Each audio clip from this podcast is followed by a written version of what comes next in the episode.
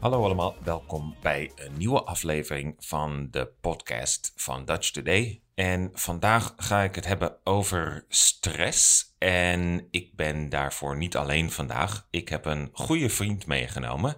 Een vriend die ik al 20 jaar ken. En iemand die al 20 jaar heel gestrest is. Bedankt voor de introductie, Martijn. Mijn naam is Miles. Ik ben blijkbaar al uh, 20 jaar gestrest. Ik had het zelf niet door, maar hij wel. dus is het goed om hier maar eens even over te gaan praten vandaag. Ja, ik wil het vandaag uh, een beetje gaan hebben over stress en over hoe we dit kunnen bestrijden. Maar eerst, uh, voel jij je gestrest op dit moment? Op dit moment, terwijl we met elkaar praten? Uh, iets breder gezien, mm -hmm. op dit moment in je leven, ervaar jij veel stress? Um, niet heel veel stress. Wel een beetje stress. Maar een beetje stress is goed, toch? Waarom? Nou, stress heeft een functie, geloof ik. Stress heeft een functie, ja. Um, wat, wat is die functie? Nou, als er geen stress was, dan zou ik wakker worden en denken... Waarom? Ik ga, waarom? Ik ga gewoon niks doen. Maar als er de stress is van... Ja, maar hoe ga ik dan betalen dat ik in bed blijf liggen? Dan is dat een teken dat ik iets ga doen. Dat is waar, ja. Dus het is een motivator. Ja, een motivator weet ik niet. Want als je gemotiveerd bent, dan is het een leuke manier volgens mij. Dus als stel iemand zegt: uh, uh, Ik heb een hele inspirerende reden voor je om uit bed te komen, dat is motiverend. Mm -hmm. uh, maar stress kan ook een reden zijn om uit bed te komen. Want als je niet de stress hebt van ik moet dit betalen, dan, kom je, dan ga je je huis niet uit. Maar je hebt praktische redenen. Stress heeft in die zin een functie. Maar uh, dus stress is, is uh, de manier voor mensen die geen motivatie hebben om uit bed te komen. Ja, dat is wel een goede samenvatting. Denk ik. Ja, okay.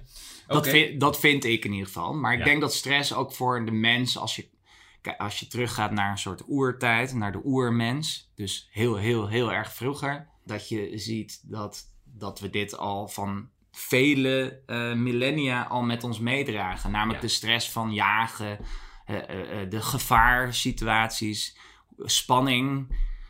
Dat het ook als een waarschuwing kan werken. Ja, natuurlijk. Ja. Dus laten we even focussen. Want wat ik natuurlijk bedoel hier is de negatieve kant van stress. Ja, ja. Als je te veel stress hebt.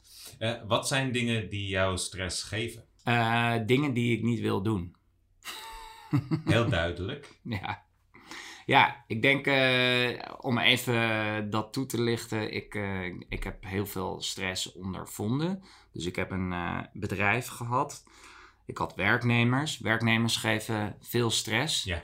Dus vol volgens het Chinees gezegde: ik wens je veel werknemers toe.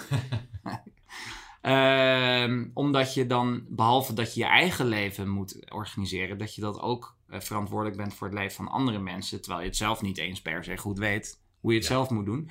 Dat dus maakt een beetje alsof je kinderen hebt eigenlijk. Ja, en kinderen zijn natuurlijk, zoals we allemaal weten, ontzettend stressvol. Uh, niet dat ik uh, kinderen heb, maar ik heb nee, het ik gezien. In de, in de, ik heb het geobserveerd bij anderen. Uh, als je verantwoordelijkheid moet dragen over jezelf, dat is al stressvol, maar ook voor anderen. In mijn geval met het hebben van een bedrijf, een vertaalbureau voor de creatieve mm -hmm. industrie. Elf jaar geleden opgericht en vorig jaar verkocht, dus ik heb het niet meer. Ja. Uh, ik ben dus van heel veel stress verlost. Dat is, dat is heel fijn. Ja. Dus ik ga het eigenlijk, als je de vraag stelt, hoe gaat het nu? Nou, gaat best wel oké. Okay. Je hebt veel minder stress. Ik heb veel minder stress. Je hebt je bedrijf verkocht. Je had ja. een vertaalbedrijf. Ja. Je hebt dat bedrijf verkocht. Daarmee is veel stress van je afgevallen. Ja. Um, maar heb je ook... Uh, dat, dat is redelijk een, een, passieve manier om van je stress af te komen. Ja. Is niet meer doen wat je stress geeft. Ja. Um, maar er zijn natuurlijk ook dingen die jij actief kunt doen om van je stress af te komen. Ja. Heb jij dingen gedaan om actief van je stress af te komen? Absoluut, ja. Uh, en dat klopt absoluut wat je zegt. Uh, actief ben ik met meditatie bezig gaan houden, mindfulness. Ik vond dat altijd onzin. Uh, ik dacht van ja, allemaal zweverig gedoe. En zweverig betekent een beetje als hippie, een beetje je weet niet, weet niet of het echt gaat werken. Maar het werkt echt heel goed als je het op een manier vindt die bij jou past. Daar komt het op neer. En in mijn geval had ik het geluk dat ik een heel goede, nuchtere, grappige, leuke begeleider had. En dit ook in groepsvorm deed met andere mensen die ook heel veel stress hadden. Uh, dat heeft heel erg goed gewerkt. Met andere docenten? Uh, nee. Jij, jij, bent ook docent natuurlijk. Klopt, klopt. Maar, uh, maar die groep waren geen docenten. Die, die groep waar ik bij zat waren allemaal verschillende type mensen met allemaal verschillende redenen om stress. Dus het waren mensen met kinderen, of het waren overspannen jonge vrouwen, of het, waar, waren, het was zelfs, zat zelfs een psychiater tussen. Allerlei verschillende type mensen met allerlei verschillende redenen om erbij te zijn. En de, om dat samen te delen en om te ontdekken wat goed bij je past, dat is echt een aanrader. Ja, ja en uh, je had het over meditatie, je had het over mindfulness. Uh, wat is het verschil tussen meditatie en mindfulness? Ah, goede vraag. En als ik zeg goede vraag, dan ben ik een typische docent. Want dat betekent dat ik het antwoord niet zo goed weet. Ja. uh, ik denk, als je me het zo op de man afvraagt, wat je dus doet... dat het verschil is dat mindfulness betekent dat je be bewustwording hebt over de dingen die je doet, dat je niet je lichaam vergeet. En dat meditatie een manier is om echt te vertrekken naar een staat van mindfulness. Ja, het is ook voor een groot deel, denk ik, gewoon het woord. En, en dat achter meditatie veel uh, culturele historie zit en veel uh, ja, een, een spirituele factor. Mm die we kennen uit eh, het boeddhisme bijvoorbeeld. En dat we bij mindfulness uh, veel praktischer denken. En het is, het is misschien een beetje het verschil tussen, tussen Tai Chi en MMA. Ja, precies. Nee, dat, dat is wel een mooie vergelijking. Dus mixed martial arts of meer, ja, oké. Meer de traditionele, met, met de traditionele vormen, waar ook veel om, om vorm wordt gekeken, misschien. Uh, en dat mindfulness toch meer om alleen puur het praktische effect is. Ja, ik zie mezelf ook wel een beetje als een MMA-meester. In, uh, dus ik, vind dat, ik ben blij dat je deze vergelijking maakt. Maar uh, ja, nee, ik heb daar ontzettend veel van opgestoken. Ik, ik denk dat, uh, dat de kern van stress ook zit, zoals het ook is uitgelegd, in dat je bent maar bezig, je bent maar bezig, je bent maar bezig met dingen die je dus niet per se wilt doen. Je vergeet je lichaam, je vergeet jezelf, je bent op de automatische piloot. En je voedt eigenlijk uh, uh, datgene wat je nodig hebt. Misschien je creatieve zelf voed je niet goed genoeg.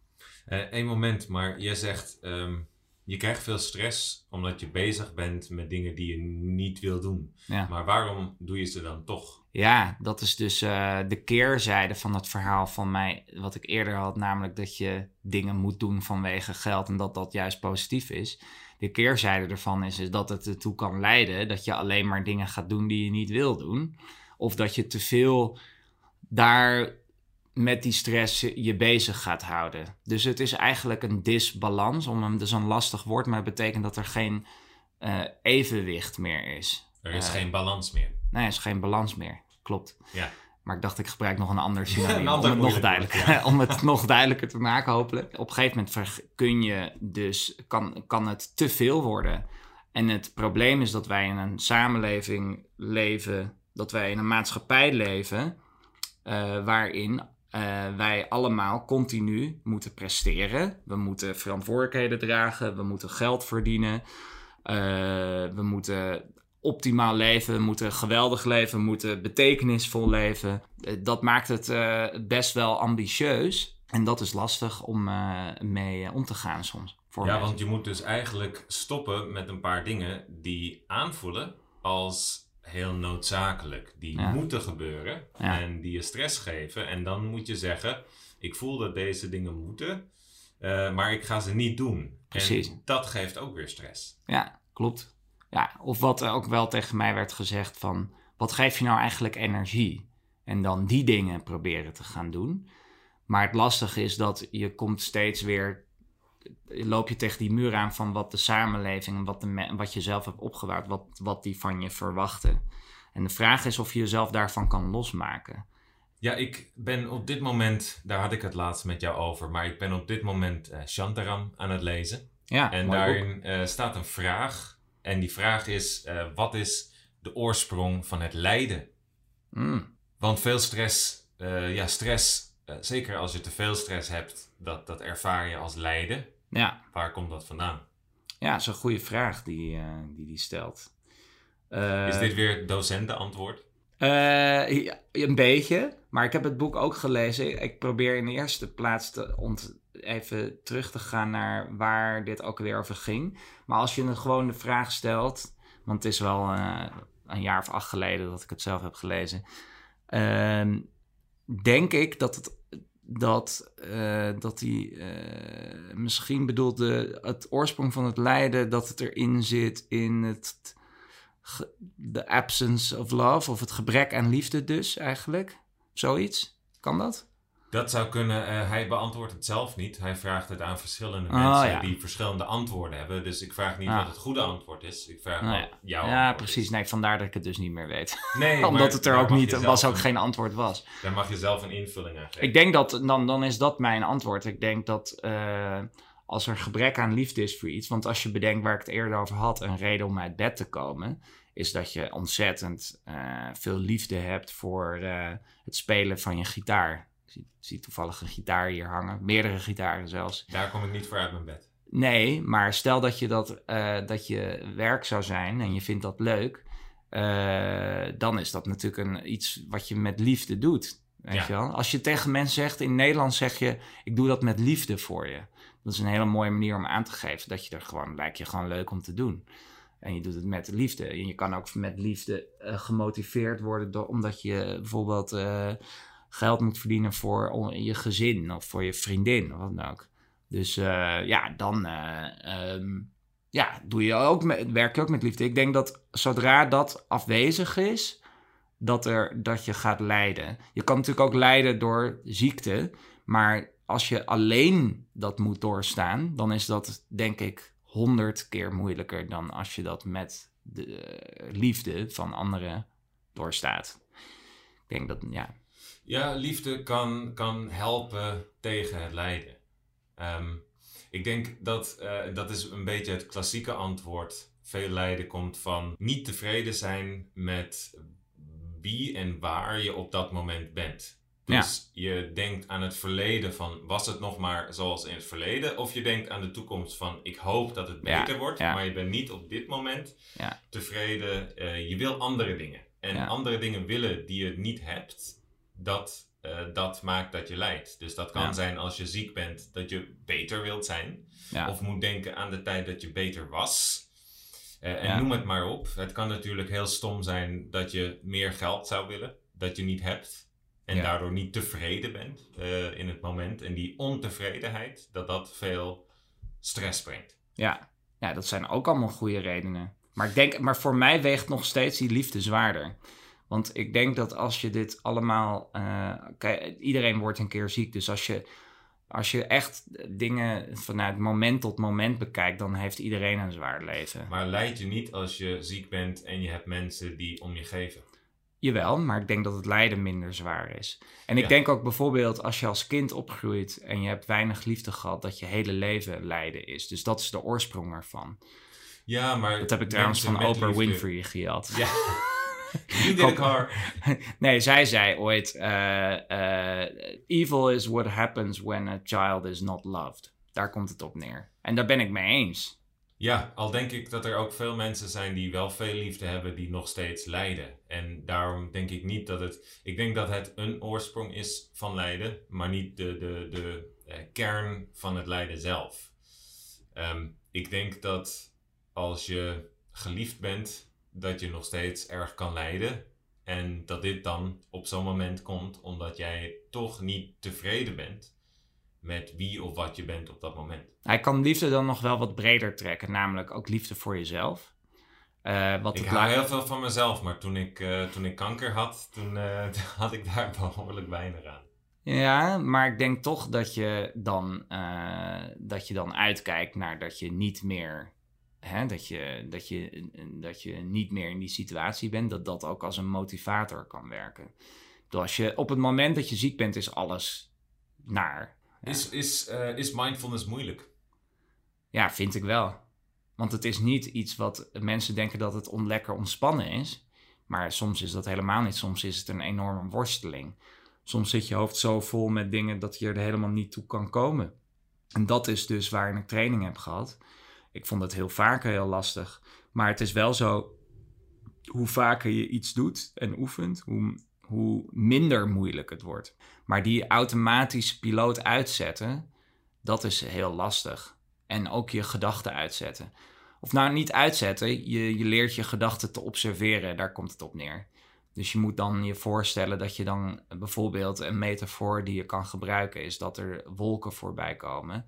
Of dat je kijkt naar een scherm met projectie van je gedachten. Of mijn favoriet is de waterval. Dus elke keer als ik te veel gedachten heb, en dat is een, een, een vorm van stress, dan uh, probeer ik me voor te stellen dat het een waterval is van allerlei gedachten. En denk van, oh, laat maar lekker gaan.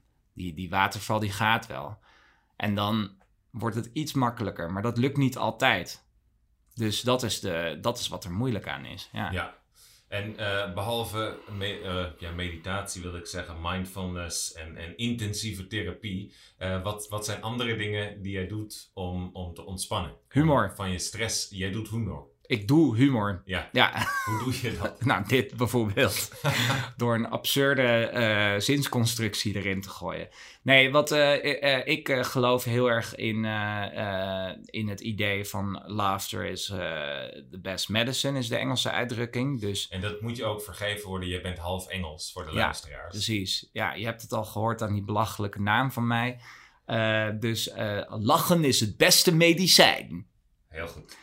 Uh, dus uh, het klinkt ook gelijk verschrikkelijk. Maar goed, het is... Het is Nederlands is een mooie taal. Maar het is een prachtige taal. Maar niet in het geval van als je een Engels spreekwoord gaat, letterlijk gaat vertalen.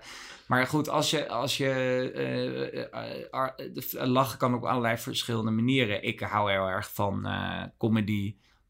in heel veel verschillende vormen. Dus dat, dat opzoeken heeft voor mij... Ik was echt verslingerd aan allerlei ik heb denk ik bijna alle belangrijke eh, comedy-series van de afgelopen vijf jaar zitten kijken. Um, en Friends.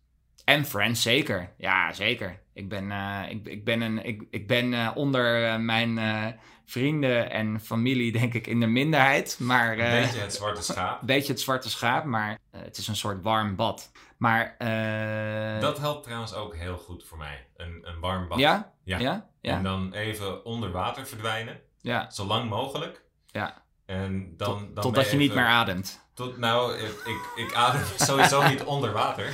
Oké, ja. Um, maar uh, totdat ik bijna stik, ja. Uh, dan voel je je ook even helemaal van de wereld. Ja. En dat, dat had ik ook, dat is geen toeval misschien, want toen ik ging duiken, en ik heb een duikbrevet gehaald toen ik in Turkije woonde, dat uh, was ook uh, heel goed tegen stress, omdat je totaal even op een andere planeet bent. Zeker, hele, ja, ik kan me voorstellen. Bad is inderdaad fantastisch. Dus uh, manieren vinden om te ontspannen, dat kan ook op allerlei manieren. Ik, ik denk dat je, als je gaat nadenken over wa waardoor kan je ontspannen, dan Uh, denk je al gauw misschien, ik ga een film kijken of lezen. Maar het is soms juist goed om helemaal niks te doen.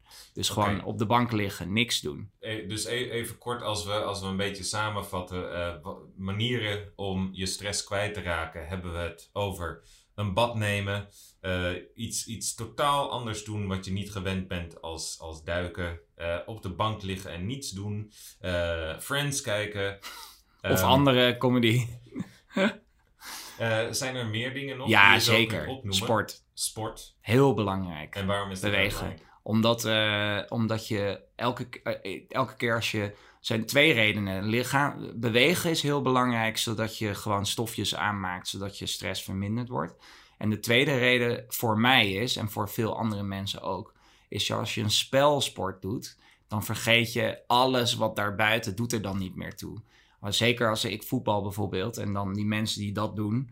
Die, uh, ze hebben allerlei banen en stress en zorgen. Maar op het moment zelf telt alleen dat je de ander keihard wil inmaken. Ja, en dat is dus grappig, want dat zou voor mij totaal niet werken. Dat zou mij heel veel stress geven, omdat ik niet... Uh, het geeft mij veel stress als ik weet, vanavond om 8 uur, en ik kan niet eerder gaan als ik zin heb. Ik kan ook niet later gaan. Ik moet daar op die tijd zijn. Ja. En dat is voor mij weer heel stressvol. Dus wat voor de ene stressverminderend kan werken, kan voor de ander heel stressvol zijn. Ja, nou ja, maar moet ik zeggen dat ik dat soms ook wel stressvol vind, dat die afspraak er is. Maar ik heb gemerkt, is een beetje de vader van uh, mijn ex-zakenpartner zei ooit, want die ging elke ochtend zes uur s ochtends hardlopen, ook als het super koud was en regende. En ik vroeg een keer aan hem, uh, Cliff, hij is brandweerman. Ik zei, komt het nou omdat je een brandweerman bent, dat je zo'n soort doorzetter. doorzetter. En hij zei, Amsterdammer, hij zei met een Amsterdamse accent, hij zei, Miles, heb je er ooit spijt van als je terugkomt? Van zo'n sport. En toen dacht ik, nee, dat is inderdaad de kern ervan. Op het, ik heb er nooit zin in, bijna nooit. En het sporten is maar zelf je, soms ook niet leuk. Dat kan ook, maar ik moet zeggen dat het spelelement daar een groot veel van weggaat. Omdat ik zo geconcentreerd ben en zoveel focus heb op die spelelementen. Net zoals als dat je een gaat risken of gaat shoelen of wat dan ook. Ik ben dan gewoon te veel bezig met het spel om daar nog over na te denken. Uh, er gebeurt te veel. En daarna voel ik me bijna zonder uitzondering altijd beter dan daarvoor. Ja, ik heb dat met de koude douche. Het, het is zelf niet fijn, maar als je eenmaal uh, afgedroogd bent en je bent er klaar mee, dan ben je blij dat je het gedaan hebt. Ja. En uh, misschien nog uh, even een laatste vraag voor je. Um, je komt uit een periode met heel veel stress. Ja. Uh, hoe zie jij de toekomst anders voor je dan het verleden? Dus uh, er is natuurlijk altijd een mogelijkheid dat jij weer in een situatie Zeker. terechtkomt waar je heel veel stress hebt. Ja. Um, nadat jij, je hebt uh, mindfulness gedaan, je hebt een aantal andere dingen nog gedaan. Um, je hebt dus veel over jezelf en over stress geleerd. Hoe zorg jij ervoor dat je niet weer in zo'n situatie terechtkomt? Nou, dat is een heel goede vraag. Voor, ja, ik ben blij dat ik vandaag zoveel goede vragen heb. Maar ik zou op deze wel graag een antwoord Nee, nee, ik, ik zal het ook zeker geven. Overigens wil ik wel een belangrijke nog wel toevoegen aan het lijstje. En dat is gezelschap opzoeken. Dat is heel belangrijk. Uh, niet uit de weg gaan van gezelschap. Um, dat helpt ook tegen stress. Ja, Wat ik, met vrienden en familie afspreken. Zeker, zeker. Uh, niet overdreven veel, maar wel blijven doen. Ik uh, zou zeggen dat als je de symptomen herkent, ik ben te lang doorgegaan met stress zonder er wat tegen te doen, met het idee van, ja, dat hoort nou eenmaal bij. Um, maar dat kan, ook dat zie ik nu ook om me heen, leiden tot, uh, tot uh, te veel verhoogde stress. En dan ben je als een soort elastiekje die je aanspant, die dan op een gegeven moment breekt. Op een gegeven moment kun je niet meer dat hebben ik zou zeggen dat ik dat, om dat te voorkomen in de toekomst, dat eerder herken, omdat je het eerder hebt meegemaakt. En dan uh, en, gas terugnemen. Bijvoorbeeld, kun je dat aan herkennen?